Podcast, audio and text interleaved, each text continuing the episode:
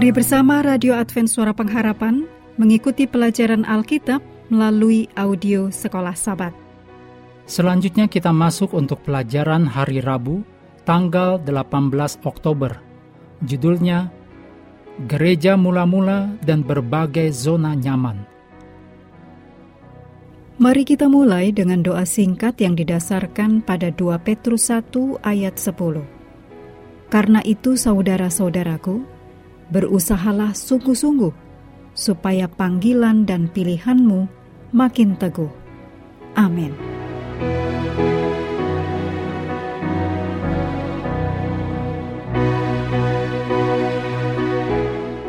Dalam kisah para rasul 8 ayat 1 sampai 4, di zaman gereja mula-mula disebutkan hal yang membuat orang-orang percaya tersebar dan keluar dari zona nyaman mereka. Sampai di waktu ini, gereja mula-mula hanya ada di Yerusalem saja, atau dalam wilayah orang Yahudi dan di antara orang-orang Yahudi. Ketika terjadi penganiayaan, ketika Saulus seorang Yahudi dan Farisi yang sangat saleh, terlibat aktif dalam penganiayaan tersebut, gereja di Yerusalem mulai tersebar di seluruh Yudea dan Samaria. Yesus telah memperkirakan hal ini dalam kisah para rasul 1 ayat 8, bahwa kamu akan menjadi saksiku di Yerusalem, di seluruh Yudea dan Samaria, Pernyataan ini digenapi sebagaimana dicatat dalam Kisah Para Rasul 8 ayat 4 bahwa mereka yang tersebar itu menjelajah seluruh negeri itu sambil memberitakan Injil. Bahkan setelah gereja mulai bergerak keluar dari Yerusalem, mereka masih terus berkhotbah di wilayah-wilayah Yahudi atau di daerah-daerah tetangga dari orang Yahudi di kota-kota yang lain. Kisah para Rasul 11 ayat 9 mengindikasikan bahwa gereja tersebar di seluruh Venesia atau Libanon dan Siprus. Tetapi para murid belum berada pada tahap memberitakan pekabaran itu kepada orang lain selain daripada orang Yahudi saja Para murid Yesus dan juga gereja mula-mula tidak memiliki tujuan untuk melihat orang di luar Yahudi. Jadi, baru hanya melihat orang Yahudi untuk datang kepada Tuhan.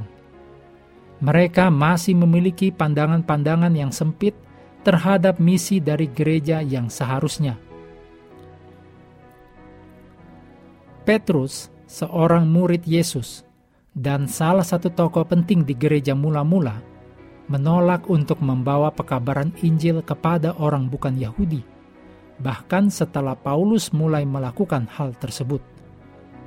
Petrus dikenal sebagai rasul bagi orang-orang yang disunat, yaitu orang Yahudi, dan Paulus seorang rasul untuk orang-orang kafir.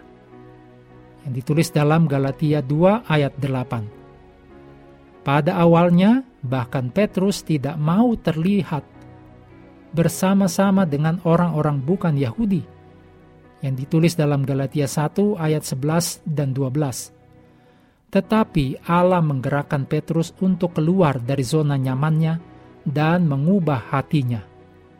Petrus mulai belajar tentang apa yang sebenarnya terkandung dalam amanat Injil dan apa yang ingin dicapai oleh kematian Yesus bagi seluruh dunia. Dalam kisah para rasul 10 ayat 9 sampai 15, 28 dan 29 ada pekabaran yang diberikan Tuhan kepada Petrus. Di bagian akhir ayat 28 dituliskan, "Tetapi Allah telah menunjukkan kepadaku bahwa aku tidak boleh menyebut orang najis atau tidak tahir." Kita juga pada zaman ini harus mengaplikasikan prinsip ini dalam pekerjaan misi. Mengakhiri pelajaran hari ini, mari kembali ke ayat hafalan Kisah para Rasul 1 ayat 8. Tetapi kamu akan menerima kuasa kalau roh kudus turun ke atas kamu, dan kamu akan menjadi saksiku di Yerusalem, dan di seluruh Yudea dan Samaria dan sampai ke ujung bumi.